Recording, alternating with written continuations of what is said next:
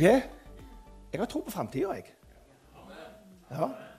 Altså, det ser jo mørkt ut på mange måter. Du har noen viruser som prøver seg, og det er noen alt mulig rart sant, som skjer i samfunnet. Men jeg har tro på framtida, jeg, altså. Jeg må si det. Og vet du hvorfor? Fordi jeg har tro på Jesus Kristus. tro er mer enn ønsketenkning. Tro er å regne med Gud, stole på Hans ord og Hans løfter. Så evangeliet er fortsatt gode nyheter, folkens. Evangeliet har fortsatt en sprengkraft som ikke har noen begrensninger. For, for, alt er mulig for Jesus. Det er et utrolig godt utgangspunkt vi har. Alt er mulig. Og Derfor må vi tenke stort. Vi må ha så store drømmer og visjoner som er større enn oss sjøl, slik at vi blir avhengige av Gud. Ja. Og Derfor må vi slutte med å tenke smått.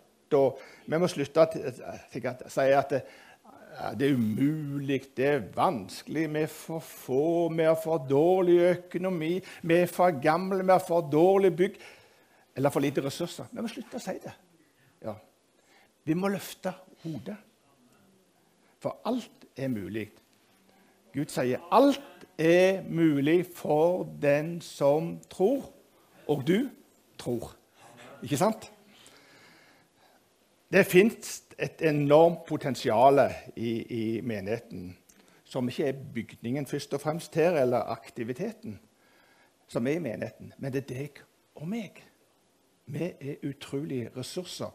Og det står i 1. Peter 2,9.: Men dere er en utvalgt ett, et kongelig presteskap, et hellig folk, et folk til eiendom, for at dere, dere skal forkynne Hans storhet.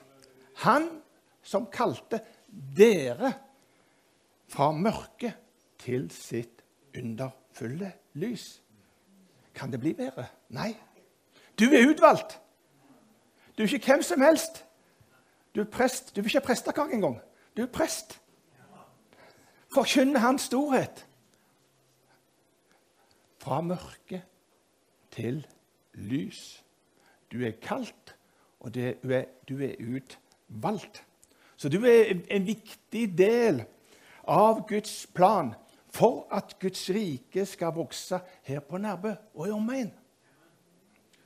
Du er født fordi at Gud har en plan for deg, en hensikt med ditt liv. Og Det står i Jeremia 1,5.: Før jeg formet deg i mors liv, kjente jeg deg. Før du ble født, helliget jeg deg. Dette sier Herren til Jeremia når han mente han var for ung til å tale. Og jeg kunne lagt til for gammel til å tale. Men så ser vi at han, Herren rørte da med Herrens, Herren rørte munnen hans og la ordene i munnen hans. Han ble en viktig og en modig profet. Du er skapt for en hensikt. Gud har forma deg en hensikt som er langt, langt større enn alt annet. Guds rikets sak. Det gir mening, mening. Og det påvirker jo alle valg du gjør i livet. Ingenting er uavhengig av akkurat det at du har valgt det. Og det er ikke bare noen spesialister som skal gjøre arbeidet i Guds rike, altså evangelister eller pastorer eller sånne ting. Nei, det er altfor lite effektivt. Du er svaret. Du er svaret. Hele legemet, hele kroppen, skal være i funksjon. Hver kroppsdel har en funksjon, ikke sant? Det er helt naturlig. Sammen er dere sterke. Sammen kan dere synkronisere og gå i takt med det som Herren har. Jeg tror på styrken og dynamikken og synergieffekten som ligger i at vi er forskjellige. Ja, det er med å skape en fergeprakt, som du sier her, ikke sant? og et mangfold. Det er jo fantastisk. Dere har sikkert vært på Fjord og Fjære, flere av dere. Jeg tok det bildet her for noen år siden. Ikke sant? Altså, tenk på den fargeprakten. Bare se det bildet der. Bare nyt det. Ikke sant? Menigheten er en fargeprakt. Ikke en fargeklatt. En fargeprakt. Når jeg ser for meg en blomstereng som dette, eller en blomsterhage, så ser jeg for meg menigheten. Et mangfold hvor det blomstrer på forskjellige måter. ikke sant? Hvor du blomstrer ut fra dine gaver og ut fra dine forutsetninger. Og så skaper det en velduft. Bare gå bort på Fjord og Fjære, så kjenner du den velduften. Og sånn skal det være. Her, her vokser de vakreste blomster. Der kommer de de merkeligste insektene. ikke sant? Og eh, Det er et mangfold men så er det litt ugras imellom. Altså, Der borte er det ikke så mye, da. Men normalt sett så er det litt ugras imellom. ikke sant? Eh, livet på, alt, på engene er alltid i utvikling. Ikke sant? Det er alltid en nyhet som er på gang. En knopp, en ny blomst, eller så kommer det. ikke sant? Stadig nytt, stadig forandring. Alt liv forandrer seg. Slik er det i naturen. Og slik er det i Guds rike. Slik er det i menigheten. Gud gjør noe nytt hele veien. Selv om det er bra det han gjorde for 10 år siden, 40 år siden eller 50 år siden for den gang, så gjør han nye ting i dag. Vi må hele veien være oppdatert på hva Den hellige ånd gjør. Den hellige ånd den er ferskvare, den. Ja, han er ferskvare. Menigheten er en fargeprakt. Jeg tror ikke du hadde likt å se en blomsterhage hvor alle blomstene var hvite eller svarte, for den del. Nei, nei. Gud har skapt oss forskjellige. Det er ikke et problem at vi er ulike, men en velsignelse og ressurs. Det skaper muligheter i menigheten. Gud har ikke latt noe over til tilfeldighetene. Gud hadde, hadde, en plan men Han skapte deg akkurat sånn som du er. Du behøver ikke være en annen. Og takk for det, holdt jeg på å si. Ikke prøv. Da vil du bare stresse, og du vil mislykkes. Noen er innadvendte, noen er utadvendte. Han skapte noen som liker rutiner, andre som elsker variasjoner. Noen tenkere og andre følelsesmennesker. Du tror du kjenner deg igjen litt her, ikke sant? Tenk hvor kjedelig hadde vært hvis alle var som deg. Eller meg. Hæ? Ja.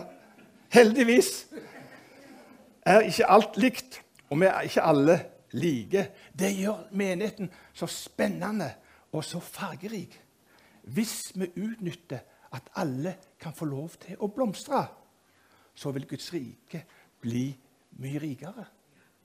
En eh, amerikansk forfatter sa det slik Det finnes ikke to mennesker som er like, og det er begge glade for. Vi har personlighet, vi har naturlige gaver, vi har evner, vi har interesser, vi har erfaringer, vi har åndelige gaver, overnaturlige. Og alt dette skal brukes i Guds rike til hans tjeneste. Det står i 1. Peter 1,4, 10.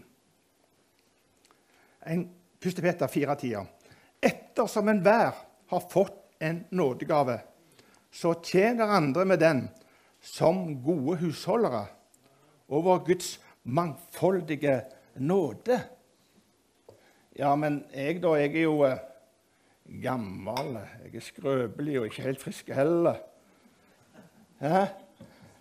Hadde jeg bare kunnet snakke litt, eller bare kunnet hatt bedre stemme, sangstemme Da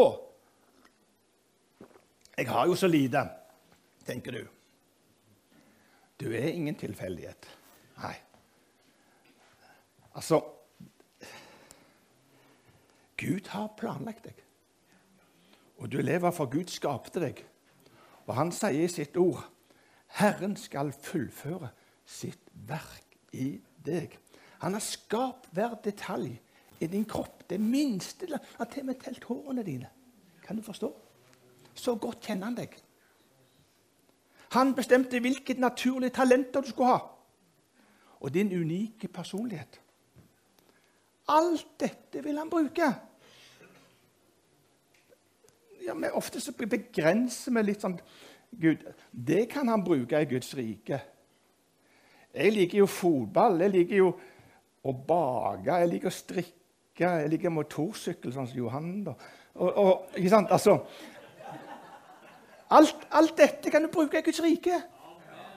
Ja, det er ikke noe galt å bruke det vi liker. Hvis du liker noe, bruk det for å få kontakt med andre mennesker. Start en bakeklubb, start en strikkeklubb, et eller annet for å få kontakt. Og så plutselig så kan du dele evangeliet. Du vet aldri hva som skjer da. Det skaper kontakt. Det, bruker det du har.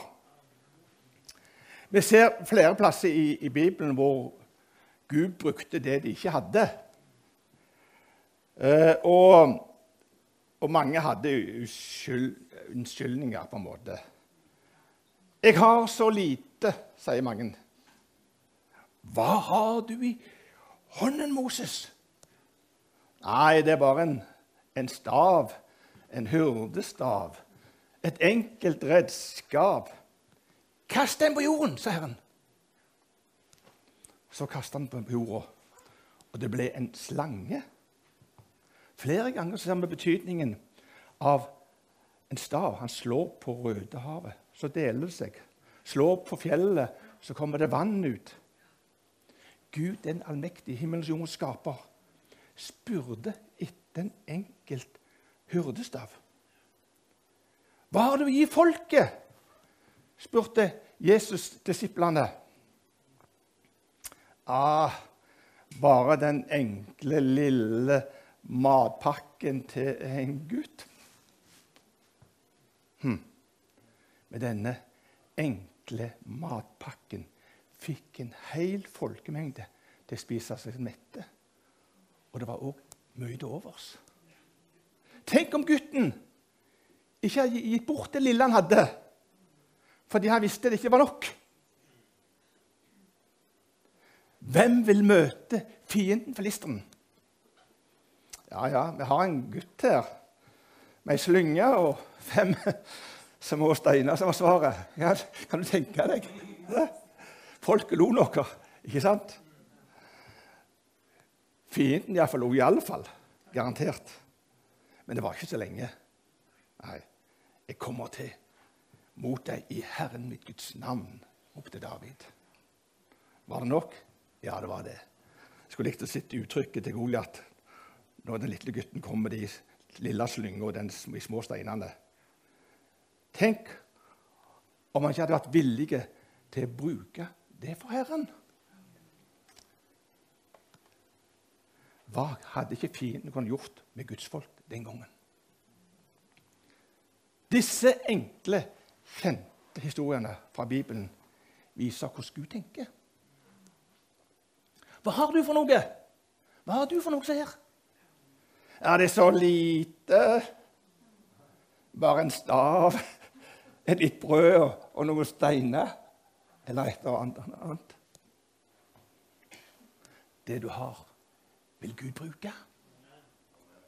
Han spør ikke etter det du ikke har. Han spør etter hva har du Det er det som er spørsmålet.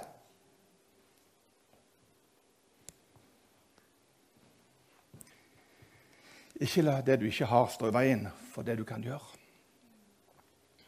Du er viktig i den planen som Gud har for deg, der du bor, der du arbeider, i ditt nabolag, i pensjonistklubben, i menigheten eller hvor det måtte være. Vi leser om såkornet i, i, Bibelen. Da skal vi lese det fra Kjønnerne 11,6. Der står det Om morgenen skal du så ditt såkorn. Om kvelden skal du ikke la din hånd hvile, for du vet ikke hva som vil lykkes. Nei. Enten det er det ene eller det andre, eller om begge deler vil bli like gode. Så ut. Det er det som er vårt ansvar. Det er Gud som gir vekst. Det er hans ansvar. Vi skal ikke ta på oss hans ansvar. Vi skal gjøre det som er vårt ansvar. Vi skal så ut. Og vi vet ikke hva som vil lykkes, står det. Og i Isaiah 30, 23 står det Deretter skal han gi regn over ditt såkorn. Det du sår i jorden, og gi brød av jordens grøde. Det skal være rikt og saftig. På den dagen skal din budskap beite på en hvit beitemark. Når du sår ut, sier han regn, og da vet vi hva som skjer. Ikke sant? Ikke sant? Vær klar over at eh, hemmeligheten til din framtid og menighetens framtid ligger i det såkornet du sår i dag. Ja, Du vil gjerne sett, at det ble frukt i morgen, du. Nei, det, det, så enkelt er det ikke. Nei, det tar litt tid, altså. Det, det, det er bønder, i hvert fall. Dere vet det at du, tar, du, setter ikke potetene den ene dagen tar opp neste dag. Du får en liten, liten da, men du får ikke så mye. Ikke sant? Det, det er jo sånn det virker i naturen. Men veksten, den kommer. Det vokser. Selv om det ser lite, det du gjør, så, eller føler det slik, så skjer noe. I lignelsen om såmannen i Lukas 8 så er det såkornet som står i fokus, som et bilde på Guds ord, som har enorm kraft. Det er ikke han som sår som står i fokus, det er såkornet. Han sløste med såkornet. Og Jesus lærte disiplene om å så alle steder, ikke sant? For de visste ikke hva som ville lykkes. Alt begynner med et såkorn. Et såkorn blir ett kornstrå. Hvert kornstrå inneholder to aks. Hvert aks inneholder 700 kjerner. Fra dette lille frøet blir det over 1400 kornfrø. Det er svære greier. Hæ? Det gir brød og mat til mange mennesker. Alt det du har. Det være seg penger, det være seg tid, det være evner, det være seg bønner, det være seg utstyr, det være seg utdannelse, erfaringer. Alt dette er såkorn.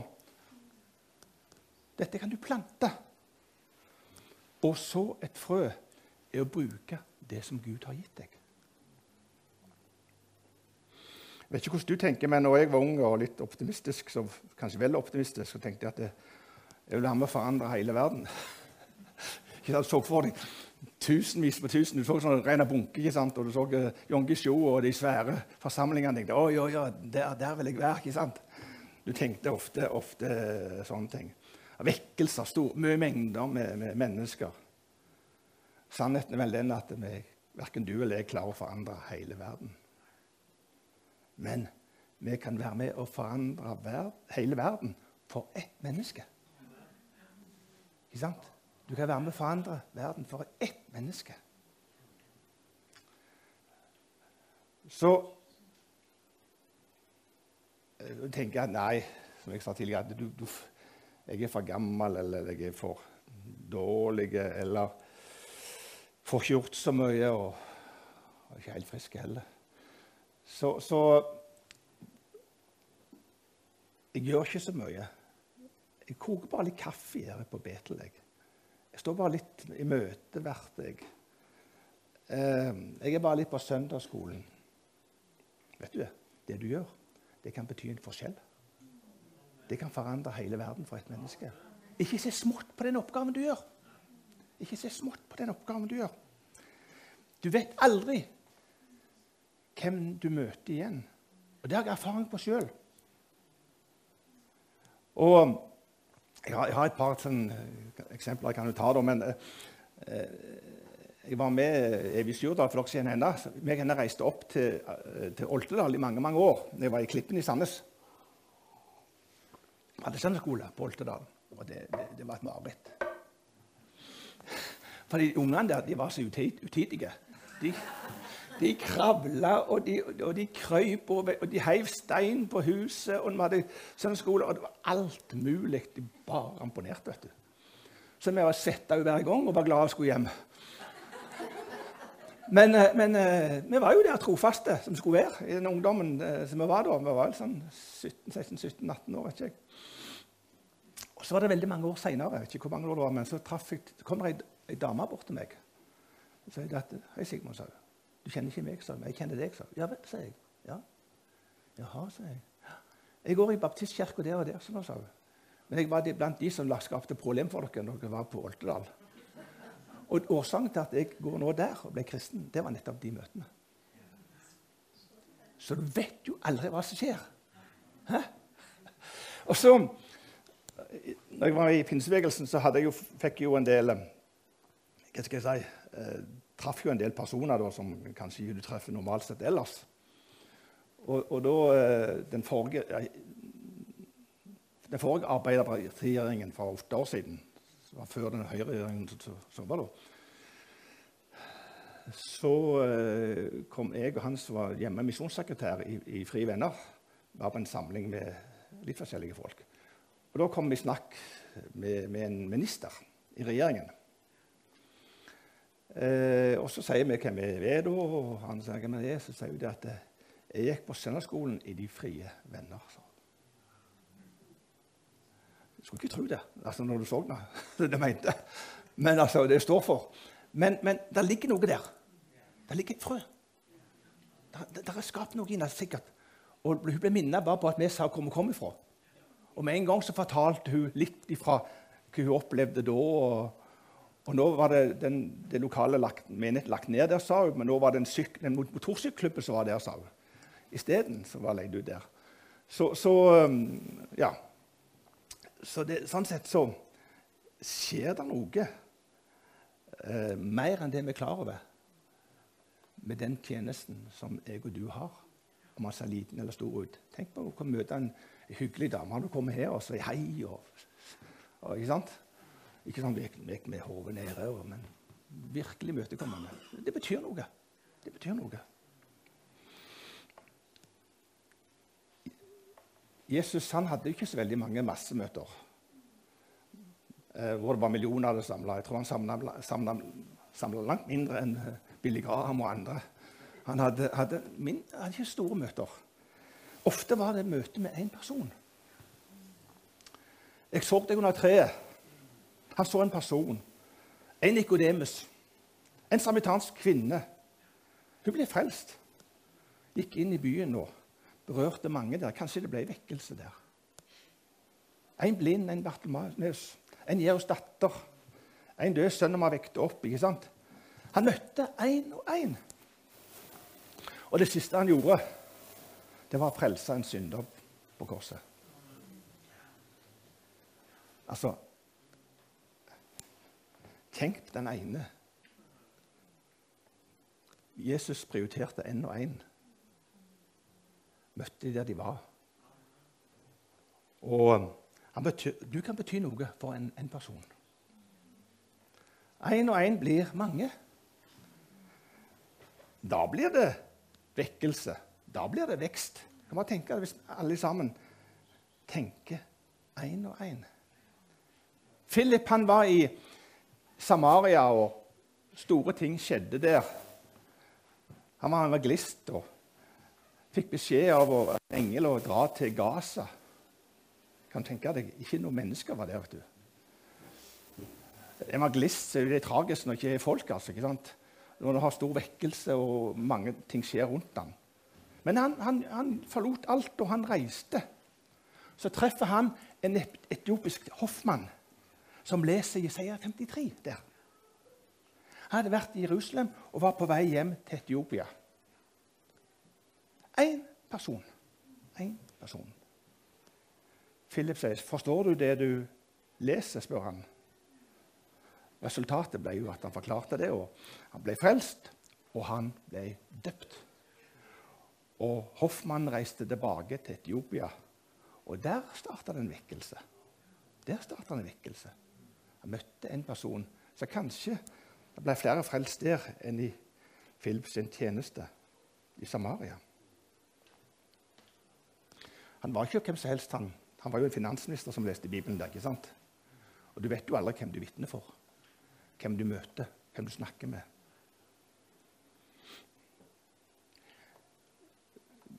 Kanskje vi, vi kristne har litt lett for å bli opptatt av massene.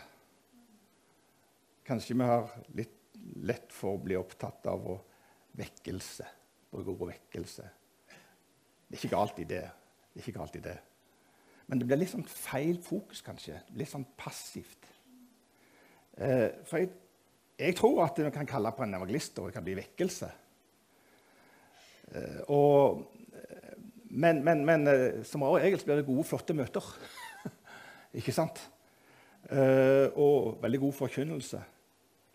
Eh, det som jeg forteller dere, det er at jeg kjenner han som kan det. Jeg kjenner han som kan det. Du kjenner han. Han kan frelse.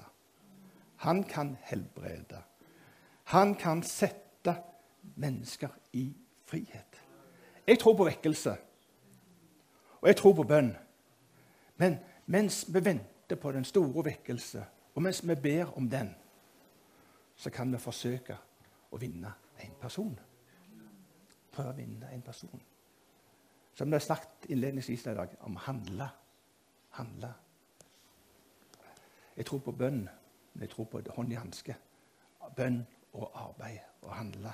Tenk det å vinne, for bety, bety noe for en person. Hvis alle tenkte sånn, da ble det vekkelse. Det er jo fantastisk når en person blir frelst.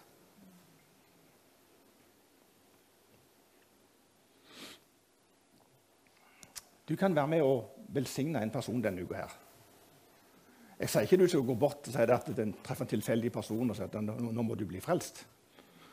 Ikke sant? Eller si at, eh, men selvfølgelig så ber du for en person. Og, du, og jeg tror vi ofte vi får mer anledning enn det vi er klar over. Altså, 'Å, jeg er så sjuk i dag, jeg har fått det og det problemet.' Stakkars deg, sier vi. 'Skal jeg be for deg?' Ja.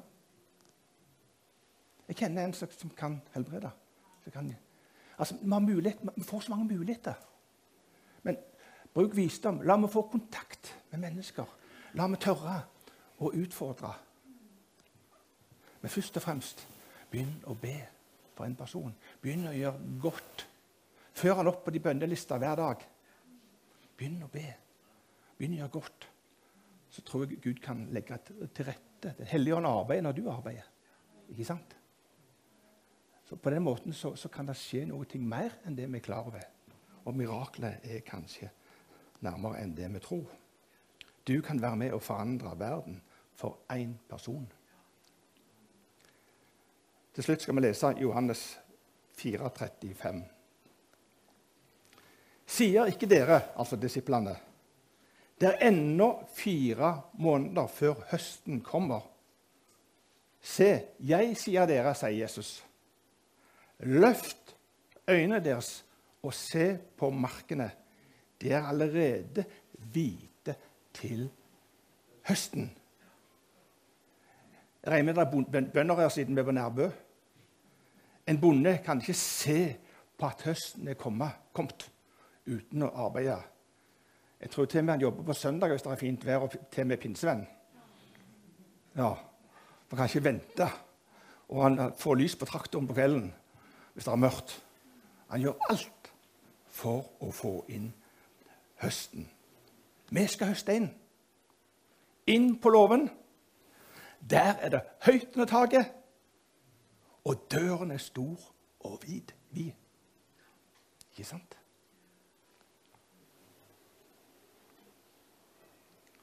skal be sammen nå, før vi går til nattverd og tar fokuset på Jesus. Men tenk, du skal, du skal få lov til å reflektere litt og be litt. Kanskje Gud har vist deg en person mens jeg prekte nå, som du skal begynne å be for, og begynne å gjøre noe ekstra for. La Den hellige ånd få lede deg på det. Og Hvis du ikke fikk et navn i tankene dine når jeg prekte nå, så skal du for en liten stille stund så skal Gud få gi deg et navn så du skal på en måte bruke tid og krefter på spesielt. Skal du se at Gud vil svare på den bønnen.